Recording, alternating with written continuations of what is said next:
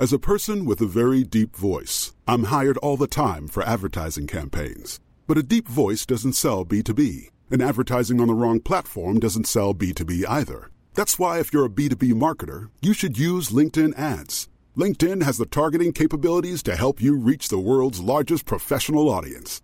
That's right, over 70 million decision makers all in one place. All the big wigs, then medium wigs, also small wigs who are on the path to becoming big wigs. Okay, that's enough about wigs. LinkedIn ads allows you to focus on getting your B2B message to the right people. So, does that mean you should use ads on LinkedIn instead of hiring me, the man with the deepest voice in the world?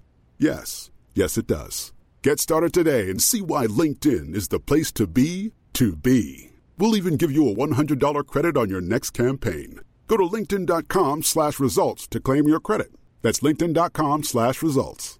Terms and conditions apply. Introducing Wondersuite from Bluehost.com. Website creation is hard, but now with Bluehost, you can answer a few simple questions about your business and get a unique WordPress website or store right away. From there, you can customize your design, colors, and content. And Bluehost automatically helps you get found in search engines like Google and Bing. From step-by-step guidance to suggested plugins, Bluehost makes WordPress wonderful for everyone. Go to bluehost.com/wondersuite.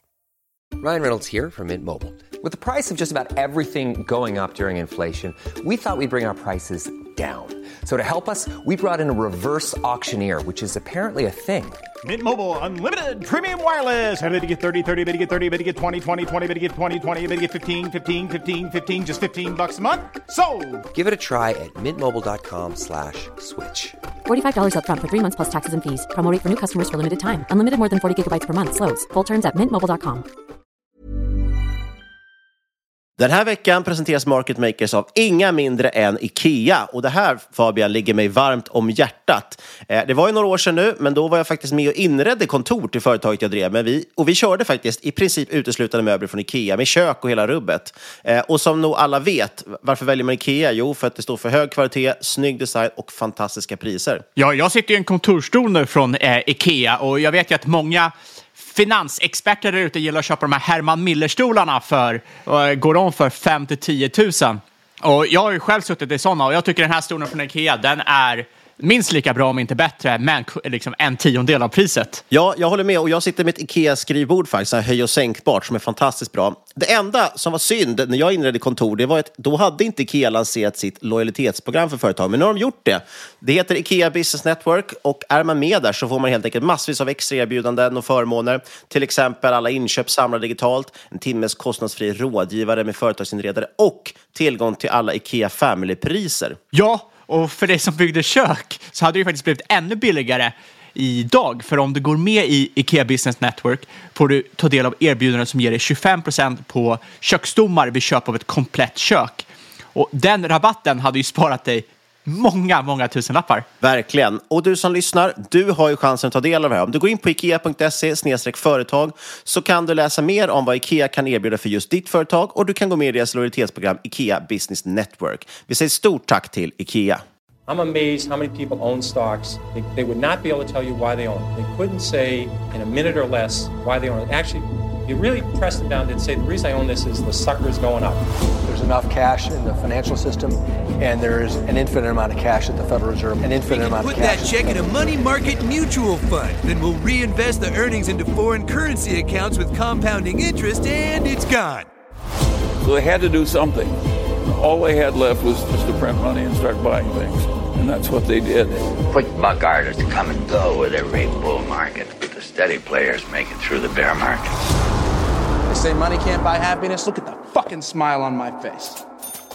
Hej och välkommen till ett nytt avsnitt av Market Makers. Och idag Fabian ska vi snacka ädelmetaller. Så att eh, vi har bjudit in pojken med guldbyxorna, eller mannen med guldbyxorna kanske man ska säga. Det är Erik Strand från AUAG Fonder och han har ju faktiskt gästat oss två gånger tidigare, men det var två år sedan sist. Och det har ju hänt otroligt mycket, alltså på makrosidan överlag. Och det påverkar förstås också då ädelmetallerna. Så att, jätteintressant att snacka med Erik om vad som händer i metallmarknaden just nu. Jag vill också poängtera, vi pratar inte bara eh, meta- ädelmetaller. Alltså vi pratar ju alltid från starka dollarn, inflationen, Eh, nästa steg för guldet och silver, det är såklart ädelmetaller. Men vi pratar också om gold miners, vi pratar om silver miners, vi pratar framförallt... Massvis av clean tech. Ja, green tech, exakt. Eh, vilket är otroligt intressant. Så det är verkligen ett avsnitt lite för alla, oavsett om du är mer intresserad av tech eller mer intresserad av eh, råvaror eller makro. Så finns det någonting i det här avsnittet för dig.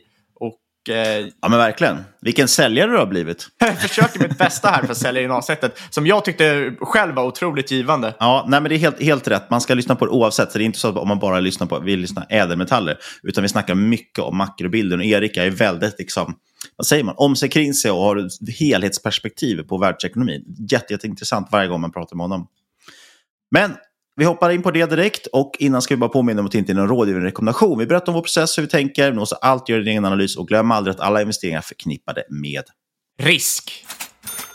Och som vanligt också har vi med oss vår fina huvudsponsor Robomarkets, den europeiska multiassetmäklaren med över 12 000 instrument att handla. Och eh, man har ju CFDs på mängder av tillgångar, aktier, ETFer, index, råvaror, valutor. Krypto har man superbra villkor på om man vill handla den volatila tillgången. Och dessutom kan man handla allt det här på valutakonto så man undviker onödiga växlingsavgifter. Och Robomarkets har ju lokal närvaro samt kundsupport på svenska. Ja, man är reglerade av tyska finansinspektionen och framförallt har man otroligt attraktiva villkor med låga courtage och tajta spreadar. Och tillsammans med Robomarkets kommer vi varje vecka lyfta någon intressant investering eller tradingidé som du kan utforska vidare på deras plattform.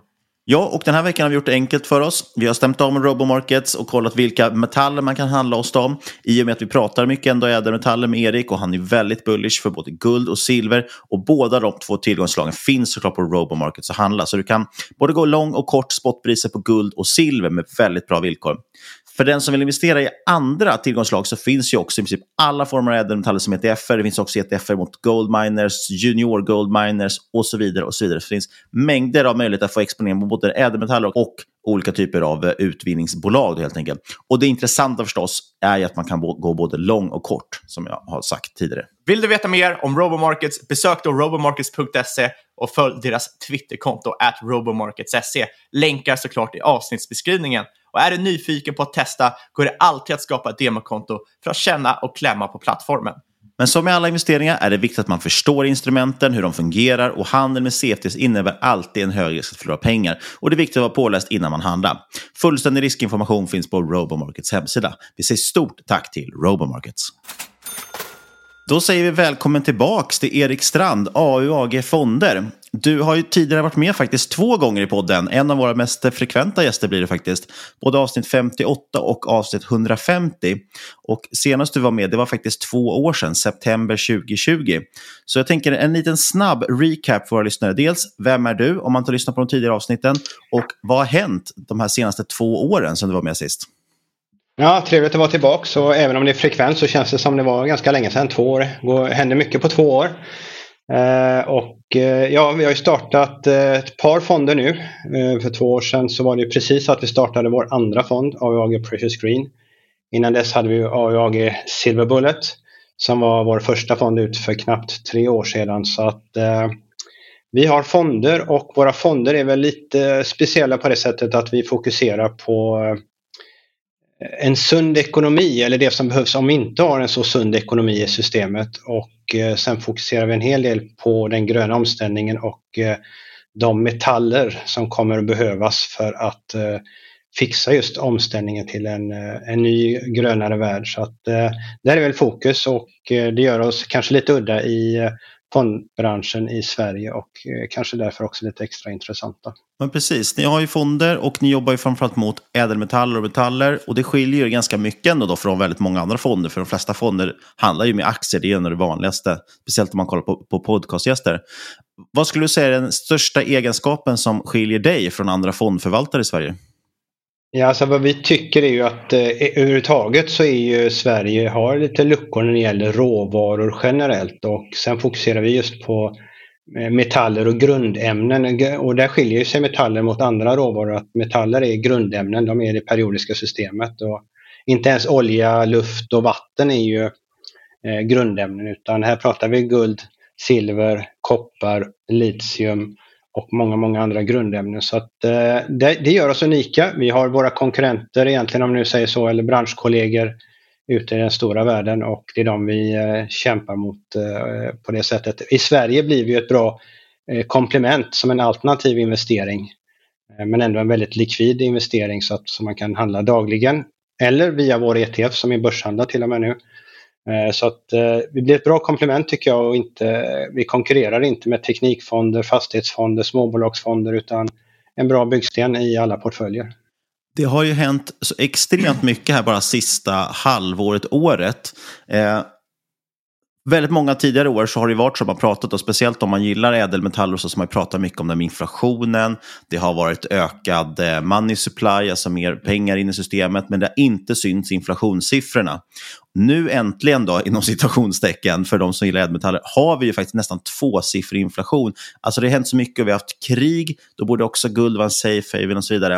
Eh, kan du berätta lite om hur ser liksom makrobilden ut just nu för guld och silver? Och eh, Många tycker också att man kanske inte har presterat riktigt så pass bra som man tycker. Tittar man på guldspotpriset så ser det upp ner faktiskt lite grann till och med sedan årsskiftet. Hur ser makrobilden ut? Om vi ger liksom bakgrundsbilden för guld och silver och, ja. och ädelmetaller i stort. Jag, jag tar den lilla saken först, eller lilla, det är en stor sak såklart med krig. Alltså, då går guld upp kortsiktigt, eh, men den uppgången kommer alltid ner brukar jag säga. Så att Eh, det som styr guldpriset långsiktigt det är mängden pengar som skapas i systemet. Eh, så om vi kommer tillbaks då till inflation. Eh, det vi har sett nu den sista tiden är ju en prisinflation. Men vad vi har haft i över, vad blir det, 14 år nu är ju en, en asset inflation, alltså en monetär inflation. Där många tillgångspriser har gått upp väldigt mycket och eh, även guld. Så att Guld reagerar inte så mycket, alltså det är lätt att blanda ihop att prisinflation är den enda inflationen men för oss så är det liksom den monetära inflationen som är den viktiga inflationen och prisinflationen blir bara en, en följdeffekt lite längre fram när inflationen så att säga trillar vidare i systemet. Sen har vi lite andra faktorer som driver upp och kommer att driva upp prisinflation framöver de kommande åren också så att hela den frågan är väldigt intressant. Eh, tittar man på avkastningen på guld Eh, så har ju guld, eh, vad man ska förstå är ju att marknaden ofta går före det som händer. Alltså marknaden har sett att har man tryckt så här mycket pengar eh, då kommer det komma inflation och prisinflation och därför har guldpriset gått upp. Så man bör titta på en treårsperiod och då, då pratar vi om helt andra siffror. Då har guld gått upp ganska mycket. Jag tror jag skickar över några siffror exakt till er på treårsbiten. Och, där pratar vi liksom som 24-25 procent på tre år och det, det, är ganska mycket avkastning eh, skulle jag säga. Och eh, även i dollar så är det plus eh, kanske då 15 procent. Eh, eh, tittar man däremot, det är väldigt lätt att man börjar blanda in det och titta på guldpriset i dollar när man är svensk och det blir fel för att eh, det är guld i SEK som är viktigt eller guld i euro om man bor i eurolandet, eh, länder. I dollar har det gått ner och det kan ju också då bero på att vi har haft en extremt stark dollar den sista perioden. Så att man ska inte titta på guld i eh, dollar just nu utan det är guld i SEK eh, och där finns det stabilitet. Men mycket av uppgången var innan för att marknaden så att säga såg detta komma innan det kom.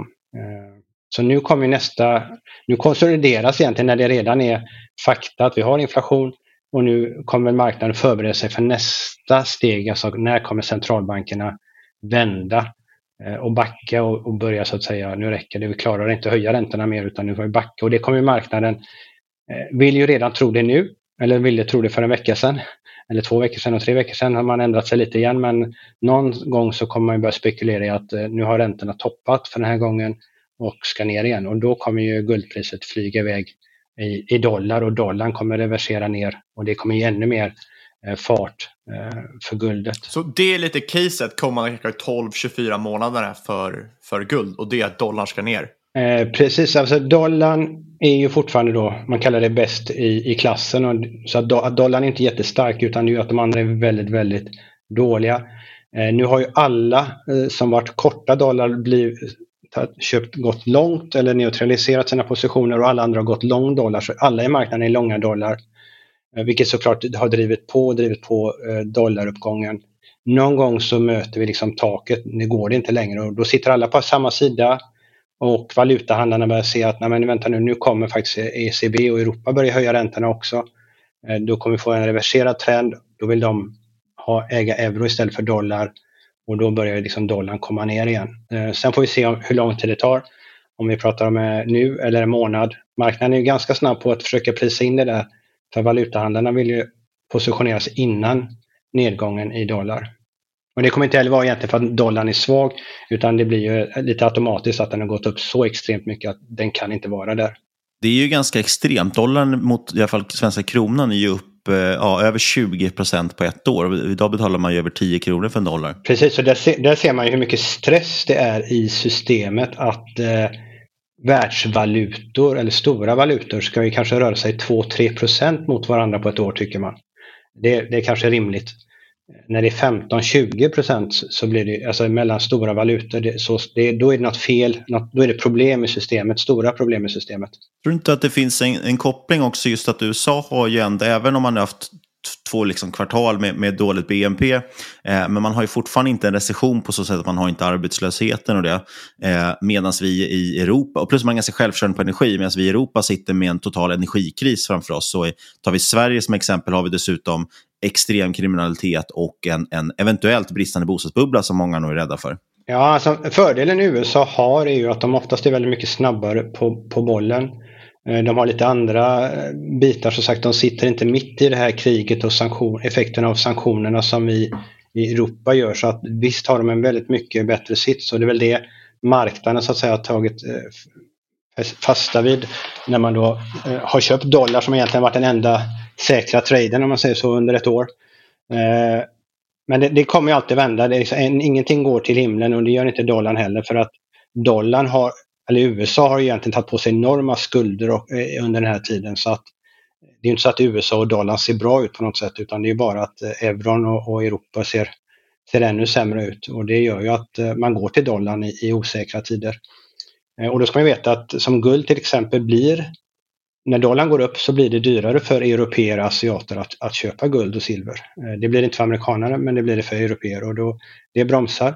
Däremot så skulle jag vilja vara Eh, tycker att det är anmärkningsvärt att USA har en så hög prisinflation, alltså när vi pratar 8% prisinflation, eh, när man haft en så stark dollar. För doll, alltså den här starka dollarn gör ju att de importerar väldigt mycket billigare som alltså har en, en, en deflationseffekt. Och att de fortfarande har en så hög eh, prisinflation med den starka dollarn, det, det är verkligen anmärkningsvärt för att om vi får en vändning på valutamarknaden dollarn blir svagare, då kommer ju de så att säga, få en ökad inflation från det trycket jämfört med idag. Vilket kommer göra det svårare för, eh, för Fed att, att få ner inflationen. Så det är många parametrar och sen eh, det verkar som en del missar att alla ska ner till 2% inflation igen men om vi tar oss ner till 2% prisinflation så försvinner ju inte den inflation som har varit utan då ökar ju priserna från de nivåer som de är på nu. Så för att egentligen få ner priserna till en, eh, eh, vad där de var innan eh, så måste vi ju få en, en riktig deflation. Vi måste ju till minus procent, alltså inte ligga på 2 procent. För det, det betyder ju egentligen att så länge det är över 0 procent så kommer ju de här eh, priserna vi har fått idag ligga kvar. Det är också någonting man missar tycker jag i debatten. Ja, det har vi tagit upp det i podden faktiskt också. Eh, det är glömt ja. glöm lätt att glömma de där baseffekterna. Eh, det som är räddningen är väl i sånt fall att då får man höja lönerna. Så har man helt enkelt eh, kontrat inflationen antar jag. Ja, nej men alltså det, det kommer ju många effekter att löner vill höjas och det kommer liksom strejker om man inte får, får löner som höjs. Och eh, de bitarna kommer ju, och sen har vi stater då som istället för centralbanker ska in och finansiera och börja ändra på amorterings eh, krav och så vidare. Så det kommer stimulanser, alltså man kommer trycka pengar från staterna istället för från centralbankerna. Vilket också är kontraproduktivt om man egentligen vill få ner inflationen för att alla de, alla de åtgärderna kommer ju driva på eh, även då prisinflation. Så att eh, det är väldigt spännande. Ja, det var ju någon eh, som sa det någon gång att, eh, att inflation är ett psykologiskt fenomen också. Och det ligger ganska mycket i det. Att har man väl vant sig vid de här nu höga priserna, ja men då istället för att försöka få ner priserna så, så justerar man genom att, som du säger, att dela ut bidrag, till exempel fel höga elpriser, och man höjer sina löner och så vidare. Och då cementerar man ju de här priserna så att säga. Men Ja, framförallt är det ju självförstärkande till stor del, vilket är lite läskigt. Jag såg också faktiskt bara häromdagen nu att eh, det här prisbasbeloppet som används för, för uträkningar på olika sätt eh, i, i Sverige eh, och påverkar ju, ju, till exempel avsättningar till pension och utdelningsutrymme och sådana saker. Det höjs ju nästan 10 procent nu också. Men jag tänkte på, apropå just valutor, hur påverkas era fonder av till exempel i det här fallet en stark dollar. Så hur, hur påverkas ni av valutor? Vilka valutor påverkas ni av och på vilket sätt? Ja, man kan säga så här, det är viktigt eh, när man ska förstå fonder, det är att eh, fonder påverkas av den valuta där de bolag man äger är verksamma. Så det är inte den valuta man, eh, som fonden handlas i utan det är en investeringsvaluta och det påverkar ingenting. Eh, och vi är ju i första hand på den internationella världsmarknaden och det vill säga att det är dollarn som är helt avgörande.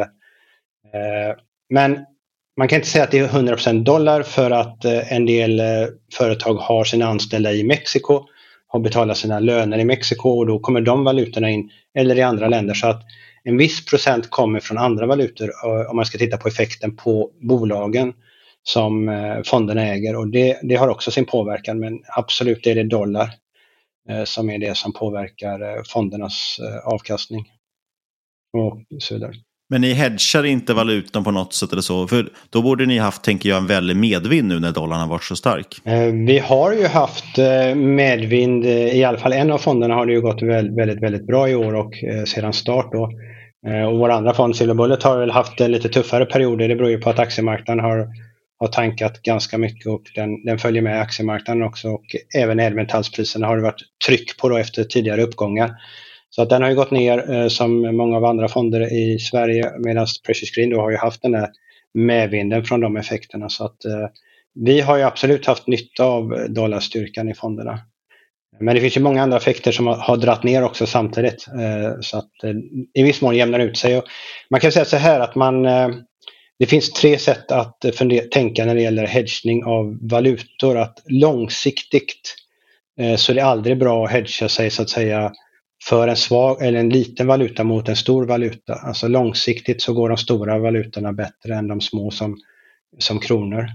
Eh, och att, så att vara evigt eh, hedgad är sällan bra. Eh, att eh, gå in och hedga emellanåt kan man göra. Eh, problemet är att man blir lite av en black box, alltså investeraren vet inte vilken position man har tagit, om man har tagit rätt eller fel position i sina bets. Och det vill vi inte vara utan vi vill vara väldigt tydliga att vi har eh, den exponering vi har och att man vet vad man köper. Och sen brukar jag säga att om man ska valutahedga för att ta bort de här stora valutasvängningarna som i dollars fall kan vara åt båda hållen såklart. Eh, så blir det väldigt, väldigt viktigt i fonder som rör sig lite. Alltså om man har en förväntad avkastning på 6, 7, 8 procent hela tiden, alltså någon form av hedgefond kanske. Eh, då blir ju valutasvängningarna väldigt viktiga. Om de rör sig 5, 10, 15 procent så rör de ju sig mer än själva fonden. Vi har ju fonder som rör sig ganska mycket och då blir inte valutasvängningarna så, att säga, så avgörande i det fallet. Och vi, vi pratar lite om guld, men så givetvis finns det också en annan ädelmetall som ni fokuserar mycket på. Det är ju silver.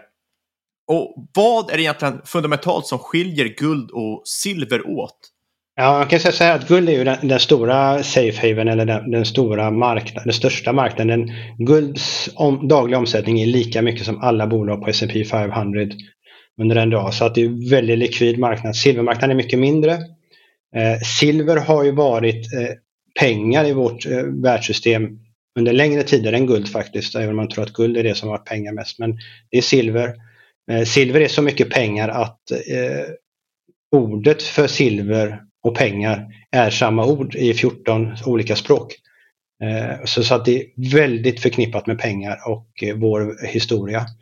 Sen är silver, det är det som är intressant med alla de här grundämnena, de har olika egenskaper och silver är det ämne på jorden som leder elektricitet och värme bäst av alla ämnen. Och det gör ju att silver är väldigt intressant i all teknik där man ska ha så att säga så hög och så bra överföring av elektricitet och värme. Eh, koppar kommer som nummer två. Det använder man när det, man måste använda mycket för att det, det, är lite billigare. Och nummer tre är guld. Guld är faktiskt bra på det sättet att eh, guld använder man gärna på pläderingar längst ut eftersom det inte oxiderar med någonting. Det reagerar inte med någonting. Eh, silver reagerar väldigt lite men det gör det med, med luft. Det blir liksom lite mörkare. Eh, så ibland använder man guld också men det är väldigt dyrt. Så att silver är det enda eh, ämnet på jorden som är både en finansiell tillgång som pengar, monetärt, och en industriell råvara.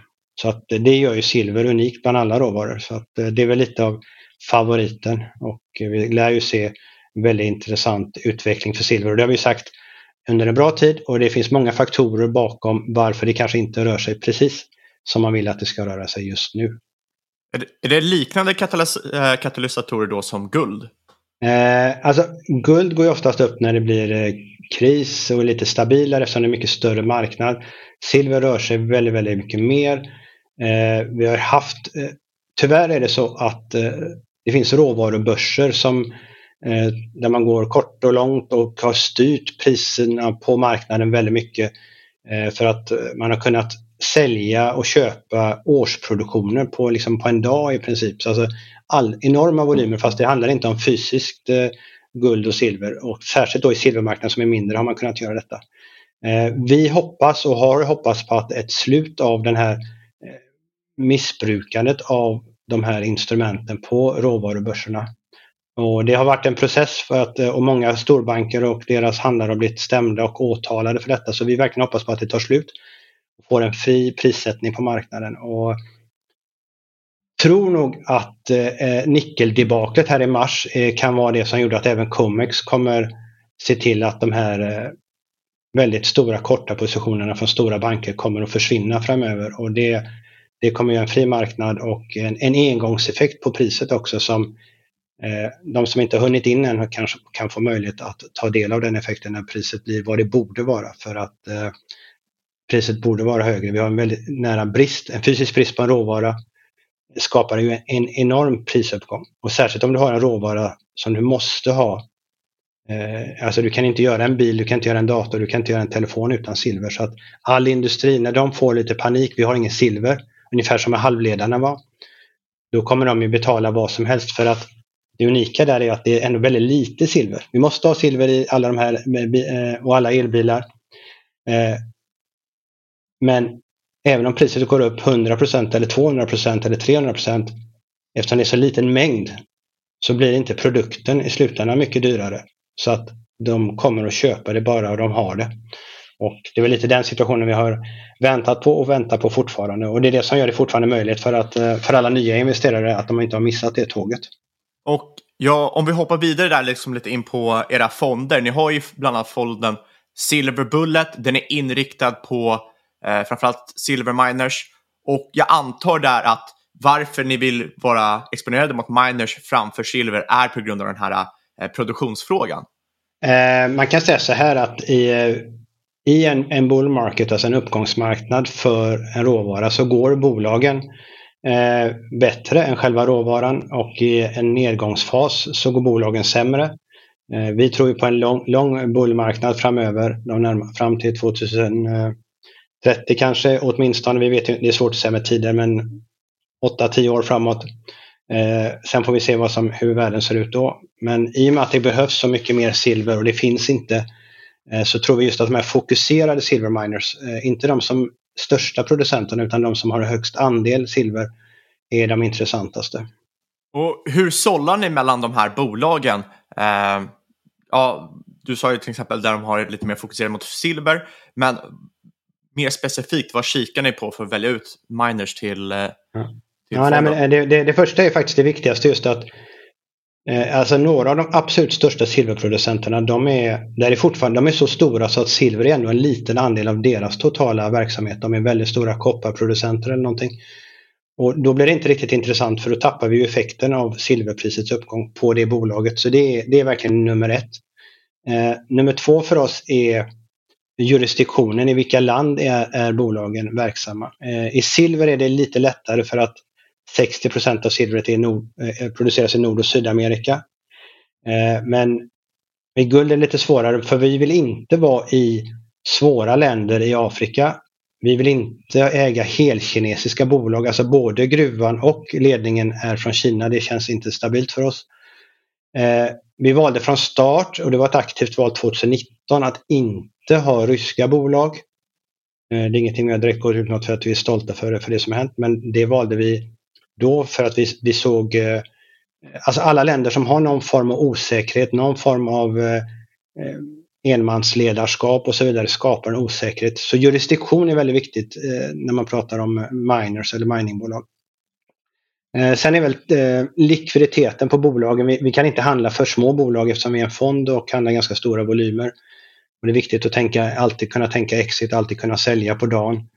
Eh, så de får inte vara för små och de ska vara helst på amerikanska börsen eh, om det är möjligt, eller de stora börserna. Ledningen i bolagen är viktiga och sen försöker vi egentligen göra en portfölj och vi äger egentligen alla de bolag vi kan äga så det är inte så mycket vi kan eh, det är inte så att vi har ett universum av tusen bolag och ska välja ut 30 bolag utan vi äger i princip de bolagen vi kan. Det är en ganska liten fokuserad sektor. Men vi får ihop en portfölj och det tror jag är viktigt. Eh, för man behöver äga ett antal bolag för att det är ändå väldigt, alltså silver är en väldigt volatil eh, råvara. Eh, gruvbolag är en volatil sektor och då tror jag det är bra att vi ska ändå skapa en portfölj för att få någon form av stabilitet. Att, vi är redan riskklass 7 plus. Så att där tror, jag, där tror jag portföljen kommer bra in i det hela. Att man har en, en, i alla fall en 25-30 bolag. Och eh, miners, de har inte presterat superbra i år. Vad är det som går emot eh, miners just nu? Ja, man kan säga så här, alltså, de har ju dragit med väldigt mycket av aktiemarknaden. De har ju dragit med väldigt mycket på spekulationen att vi, vi går in i en recession eller inte. Vi tror inte riktigt på det, alltså även om vi inte tror på hur man sköter det, finanserna och ekonomierna i länderna och centralbankerna Eh, så tror vi i slutändan så kommer de egentligen bara stimulera ännu mer och skapa ännu mer krediter för det är det systemet behöver och då, då kommer vi se uppgångar egentligen igen på börserna och eh, de börserna som har varit, gått ner mer kommer säkert gå upp mer igen. Så att, så sett för marknaden har vi en positiv syn, även om vi inte är helt positiva till hur centralbanker och banker sköter, sköter det, alltså frågan om en sund ekonomi. Eh, men Tittar man på miners generellt, alltså jag har ju egentligen bara siffrorna för hela sektorn, då kommer ju gold miners in också. Så har ju råvarubolagen varit de bolag som har högst margin, så att säga marginaler av alla sektorer. Och inom råvaror så är det eh, guldbolag och silverbolag, eller särskilt då guldbolagen, haft de högsta av alla margins. Och det är ett väldigt högutdelande bolag idag. Man delar ut alltså i, i vår ETF har vi över 3% i utdelning och det, det är nästan lika mycket som i, i fokuserade utdelningsfonder. Eh, så att eh, de är egentligen, alltså de har, det som skiljer de här bolagen det är att de sedan 2011 så har de minskat sina skulder väldigt mycket. De tog på sig för mycket i den förra bullmarknaden som var eh, fram 2011. Eh, sen dess har man då dratt ner sina skulder medan i alla andra nästan bolagssektorer har man ökat sina skulder. Alltså skulderna bland amerikanska bolag har ju aldrig varit så hög som den är nu generellt sett. Så att det är det som gör det intressant. De har en låg skuldsättning, de har, det är låga priser, de har bra marginaler. Eh, sen om priserna för alltid ska ner, ner, ännu mer och ska alltid vara låga, då, då, blir det ju alltid svettigt för bolagen. Men de har som det är just nu väldigt bra marginaler med lägre, lägre skuldsättning, eh, ändå relativt höga stabila priser i snitt, även om det inte har toppat så mycket. Eh, så att det ser väldigt bra ut i den marknaden. Det är det som saknas är ju flödena in kapitalflödena in i marknaden. Men för att sammanfatta caset lite så du verkar vara så många producenter inom andra råvaror, till exempel olja, att du har haft långvarig bear market, de bolagen som överlever har behövt lina ner väldigt, väldigt mycket, eh, städa upp balansräkningen för att överleva. Ehm, jag antar att de här eh, gruvbolagen också har relativt, de som överlevt har relativt låga produktionskostnader. Eh, för det du säger är att de har ju rätt, rätt stabil marginal. Eh, och det gör ju att de kan kapitalisera på... De får i stort sett leverage på ett ökande guld och silverpris. Har jag, har jag rätt där? Ja, man kan säga att sektorn är verkligen det här, på engelska eller amerikanska säger man lean and mean och det, det är ju det man vill liksom, man är inte fat and happy utan de är lean and mean och eh, har blivit mycket mer aktieägarvänliga än vad de var förr i tiden. Så att många av de grundfaktorerna är på väldigt bra plats just nu. Eh, sen är det alltid intressant med eh, är det bra med ett bolag som har låg produktionskostnad, alltså för råvaran? Det vill man ju tro att det är det bästa, att ju lägre produktionskostnad de har desto bättre. Det är inte alltid så och det beror på matematiken att eh, ja, du har en trygghet mot att de skulle så att säga gå i konkurs någon dag för att priserna blir väldigt, väldigt låga. Då har de ändå marginaler jämfört med de som har höga produktionskostnader. Men är man lite krass och tittar på det på ett, på ett bokslut i ett företag, de bolag som har högre produktionskostnader idag, de har ju inte så höga vinster, får du en, en prisuppgång på råvaran så blir den procentuella förändringen på det bolagets resultat mycket större. Så det finns eh, aktieinvesterare som gärna köper de som har en hög produktionskostnad. De tror på högre priser på råvaran. För där blir faktiskt hävstången ännu större. Så det är, det är lite intressant och det är kanske lite överkurs men, men eh, så det är inte alltid, alltid det man ska ha de som har lägst produktionskostnad. Det beror lite på vad man är ute men Det efter. tycker jag, tycker jag är bra att du märker ut för det är nog någonting de flesta inte tänker på. Då. De flesta vill ju ha den här margin of safety ner till. De vill ha en väldigt låg produktionskostnad för att, ja, som sagt, det är mer marginal till eh, guld och silverpriset. Men eh, ni har ju också den här, eh, Gold Mining ETFen eh, Ja. som satsar på gold miners. Vad skiljer guld och silverminers åt? Och hur, liksom, är det annorlunda sätt att tänka kring de här bolagen? Eh, egentligen är det väl inte så jättestor skillnad där utan vad vi ville göra var där att vi ville försöka ta oss in på ETF-marknaden. Det är ett test, det är en svår marknad, eh, ganska dyr satsning men eh, vi vill ju vara nya. Vi vet inte hur det går. Vi, vi pratar med Nasdaq för att få en lansering i Sverige. Ni är de första som får veta det men vi vet inte om det kan bli av. Det hade varit lite kul för den svenska marknaden. Eh, men vi ville göra det annorlunda och vi konkurrerar ju där med, med iShares och Vanek. Och de har ju gamla ETFer. Vi ville göra en, en, en lite smartare konstruktion. Våra fonder har nu försöker ha en smart beta. Det är inte så mycket alfa i våra fonder utan det är en smart beta, alltså konstruktionen av fonden som är viktig.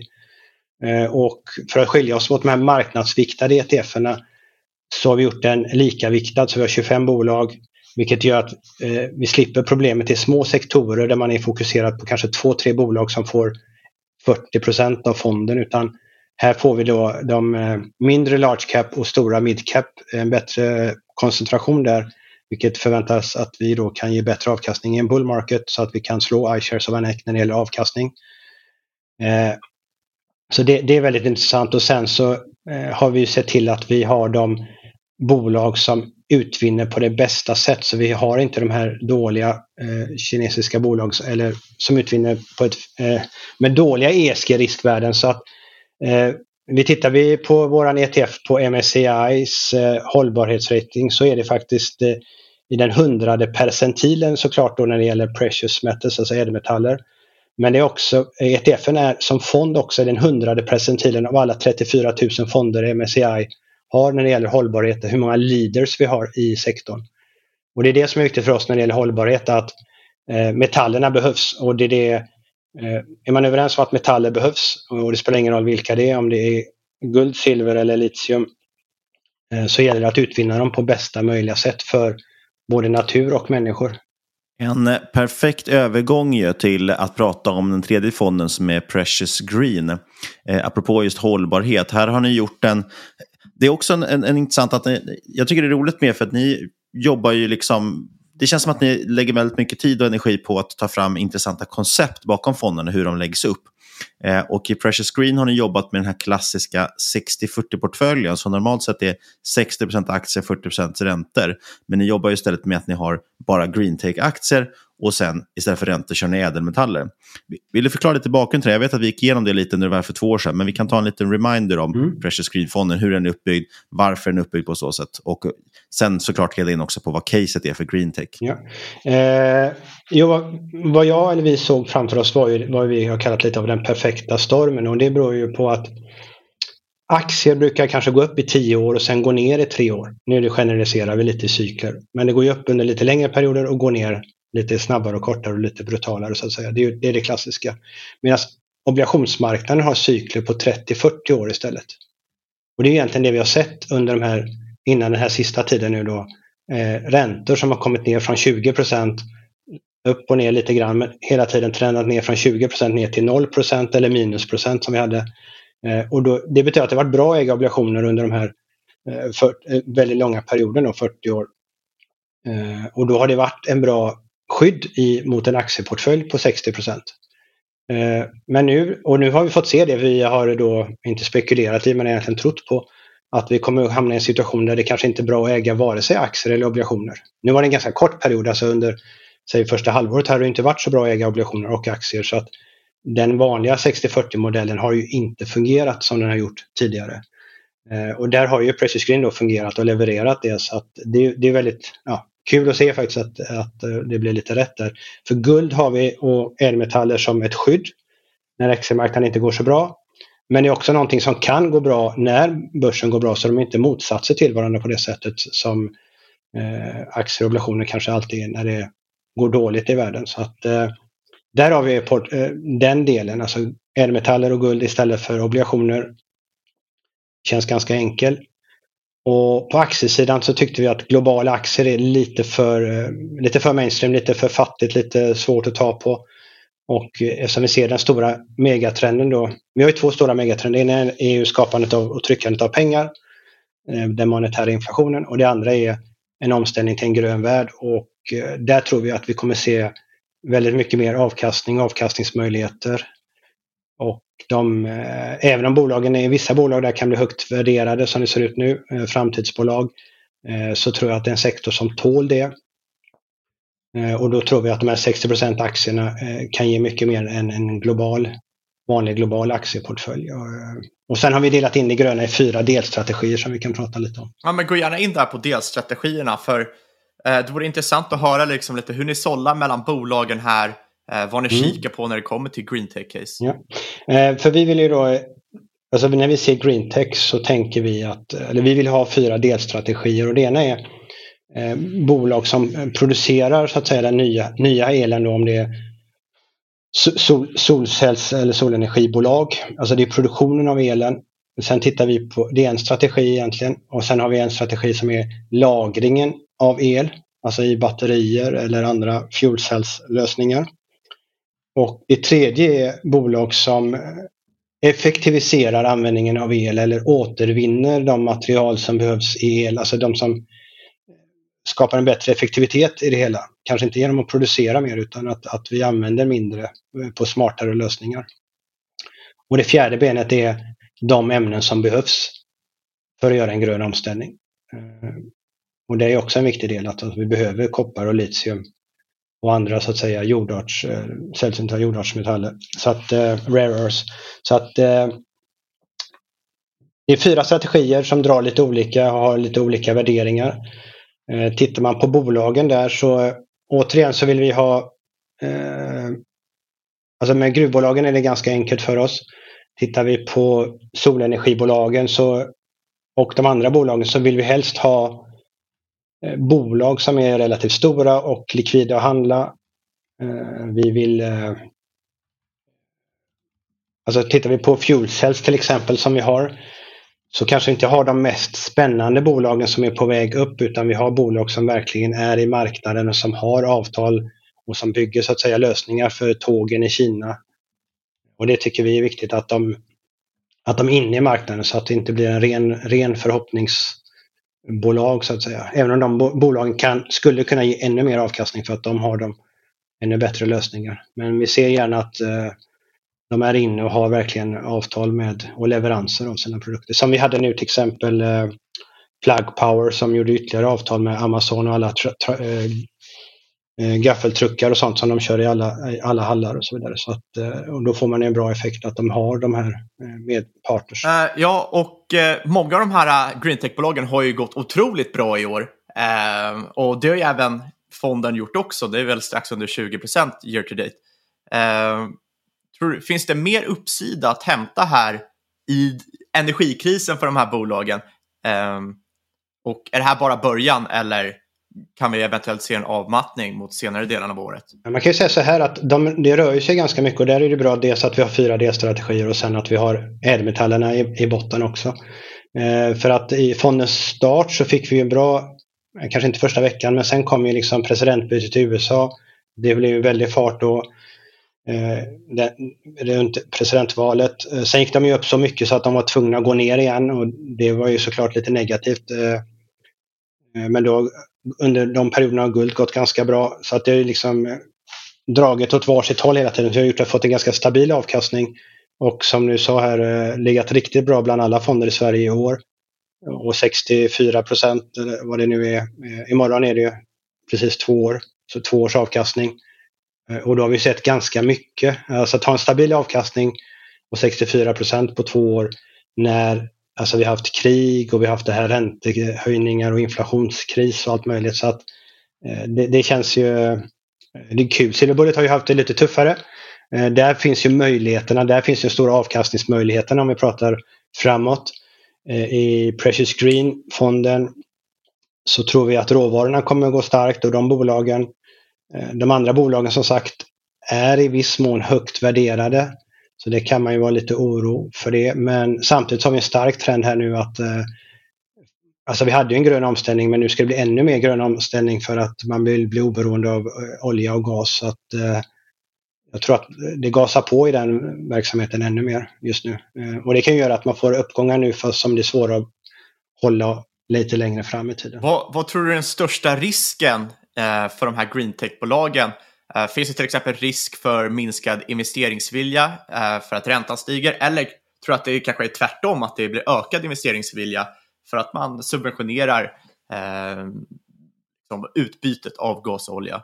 Jag tror det finns en viss trygghet i att liksom, man har alla stater bakom sig, att de vill, de vill växa det här området. Och om det är via subventioneringar eller om det är genom att straffa andra saker eller någonting. Men det finns ju en ganska all, all, all, alla regeringar och stater liksom är, är ju bakom detta nu.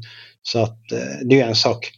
Eh, sen ska jag för sig veta att det är alltid en konkurrens om, om olja eller någonting annat. Så att motsatsen blir väldigt billig så blir det, då blir det plötsligt dyrt med annan energi. Så att det, det är lite motpoler som är lite svåra att, att, se framför sig. Men trenden är nog väldigt stark. Eh, sen är det som du var inne på bolag som idag inte har lönsamhet. Bara, eh, alltså om vi tar kanske vissa techbolag som inte har lönsamhet och bara jobbat med tillväxt eh, och får högre räntekostnader och har hög belåning. Sådana bolag får det ju väldigt, väldigt jobbigt och vi kan ju se sådana bolag inom greentech också. Och det kanske är anledningen till att vi gärna vill ha de större bolagen eh, som har, liksom, eh, har lite omsättning, har, lite, har sina intäkter också så att de klarar att möta ökade räntekostnader för att eh, alla som har satsat hårt, tagit på sig skulder, kommer få en helt annan eh, kostnadssida och det kommer påverka eh, P tal alltså om priserna är där och earnings minskar för att man har högre kostnader så, så kommer det påverka marknaden ganska kraftigt. Så att, vi, det känns bra att vi har de stora och att trenden är så stark. Men absolut så har vi en viss att det kommer gå i vågor. Det kommer komma övervärderade perioder kommer komma ner igen och sen så tar det fart igen. Men jag tror att det är en trend som håller sig eh, utan att vi behöver tänka de närmaste tio åren. Och du nämnde ju också eh, metallerna eh, som är relevanta för greentech-bolagen och då tänker jag väl på litium och de här rare earth-metallerna. Hur ser det ut rent fundamentalt nu? Är det liknande guld och silver och andra råvaror? Eh, det är ett underskott i marknaden som behöver fyllas eller vad händer där? Ja, det man kan säga så här att eh, det som är problemet när man har underskott det är ju att det tar kanske tio år att få igång en ny drift, en gruvdrift. Så att det är liksom ingenting som bara, ja, nu trycker vi på gasen och, och, och producerar mer. Så att det är långa cykler så att det tar lång tid innan man kan få ett ökat utbud eh, på olika ämnen. Sen finns det vissa ämnen som är lite lättare att komma igång med. Och det kan man ju se i litiummarknaden. Alltså först för många år sedan så gick ju priset upp i himlen för att man såg det här framför sig. Sen kom det ner för att många började vilja börja producera och man hittade så att säga bra områden där man, man kunde producera det och då gick priserna ner väldigt kraftigt. Eh, sen kom det liksom ännu mer att elbilsförsäljningen ökade så snabbt Då gick priserna upp igen. Det visade sig att vissa av de här projekten hade inte alls så mycket potential som man hade trott och då gick priserna upp av den anledningen.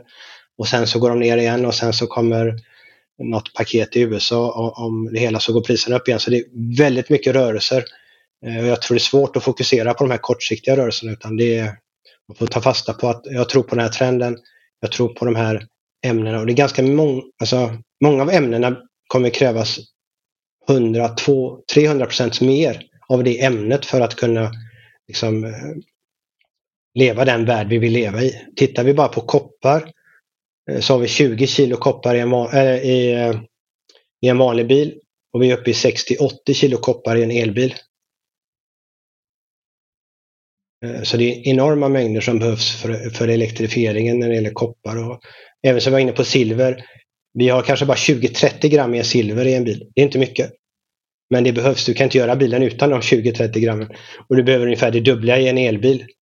Eh, så, och det, är, så är det den effekten på marginalen. Och vad har vi nu? Jag, vet, jag kan inte exakt med elbilar om det är, om det är 4 elbilar men vi ska till 100% Så det är ju vä väldigt mycket som, under en lång period.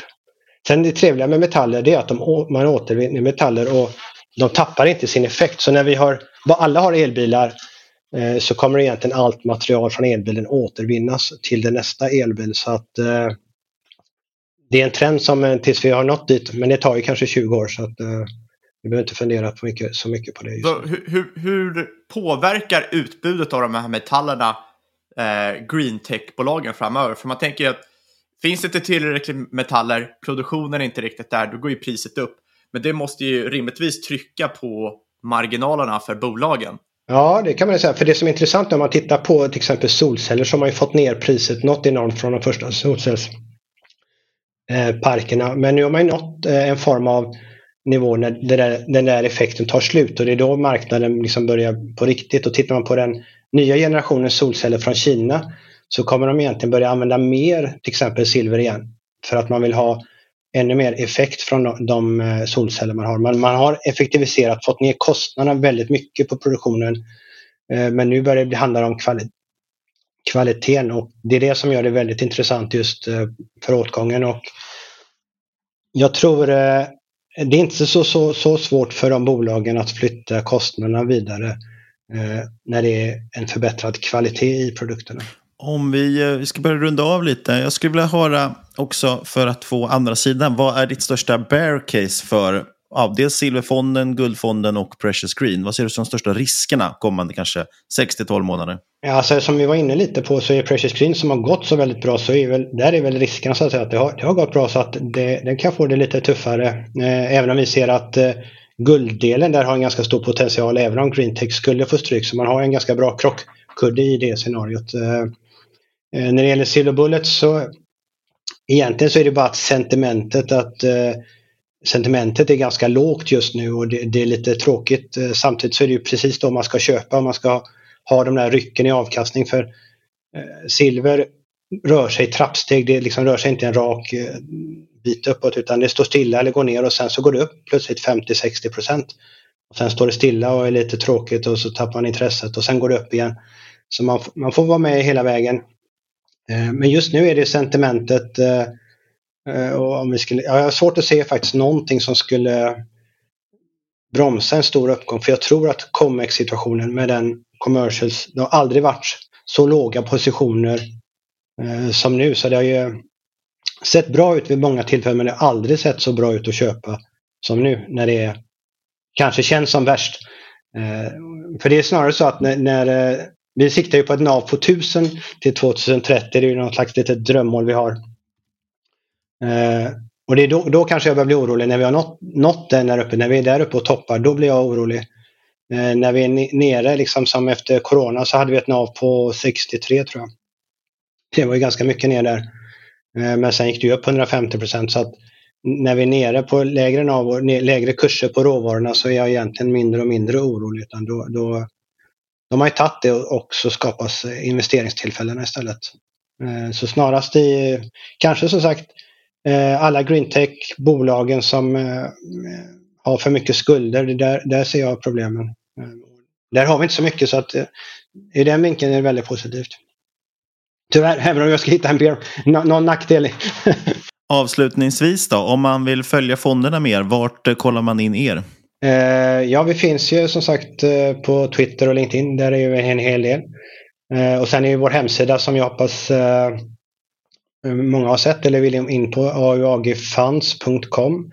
Eh, fonder funkar också att skriva. Eh, och en ganska ny hemsida nu som vi är väldigt stolta för som ger mycket information och väldigt fräsch tycker vi. Och vi försöker vara ledare även i de bitarna. Och där ser man ju alla innehav. Vi, gillar, vi vill inte vara en black box utan alla innehav som finns i fonderna ligger på hemsidan hela tiden så att säga live. om vi ändrar något så, så ändrar vi där också så, mycket, så ha så mycket information som möjligt. Och så kan man gärna kommunicera med oss. På hemsidan kan man ju också prenumerera på nyhetsbrevet, tänker jag också, där man får löpande kommentarer. Ja, det är ju väldigt bra att vara med där, för då får man en hel del insikter och eh, kan även ställa frågor efter man har fått det. Så att eh, nyhetsbrevet finns där, precis. Stort tack för idag, Erik, och tack för att du gästade podden igen. Ja, kul. Hoppas det inte tar två år till då, till nästa gång. Ja, då var vi tillbaks eh, i studion igen och eh, superbra av sig med Erik. Och som sagt otroligt intressant att han, han har ett väldigt mycket helhetsperspektiv som jag tycker inte många andra fondförvaltare har. Jätteintressant alltid att prata med honom oavsett om vad man är intresserad av inom världsekonomin. Men vi ska påminna att det inte är någon rådgivning, alla åsikter är egen egna, vår gäst eventuella sponsorer tar inget ansvar för det som sägs i podden. Tänk på att alla investeringar är förknippade med risk och sker under eget ansvar. Vi vill rikta ett stort tack till Robomarkets, vår huvudsponsor. Är man intresserad av till exempel guld och silver så finns både guld och silver att handla spotpriset hos Robomarkets. Där kan man enkelt också gå lång eller kort förstås. Kontakta oss på podcast.marketmakers.se om du har några frågor eller på Twitter och aktier at marketmakerspod. Och glöm inte att lämna en recension på iTunes. Och sist men absolut inte minst, stort tack för att du har lyssnat kära lyssnare. Vi hörs igen om en vecka.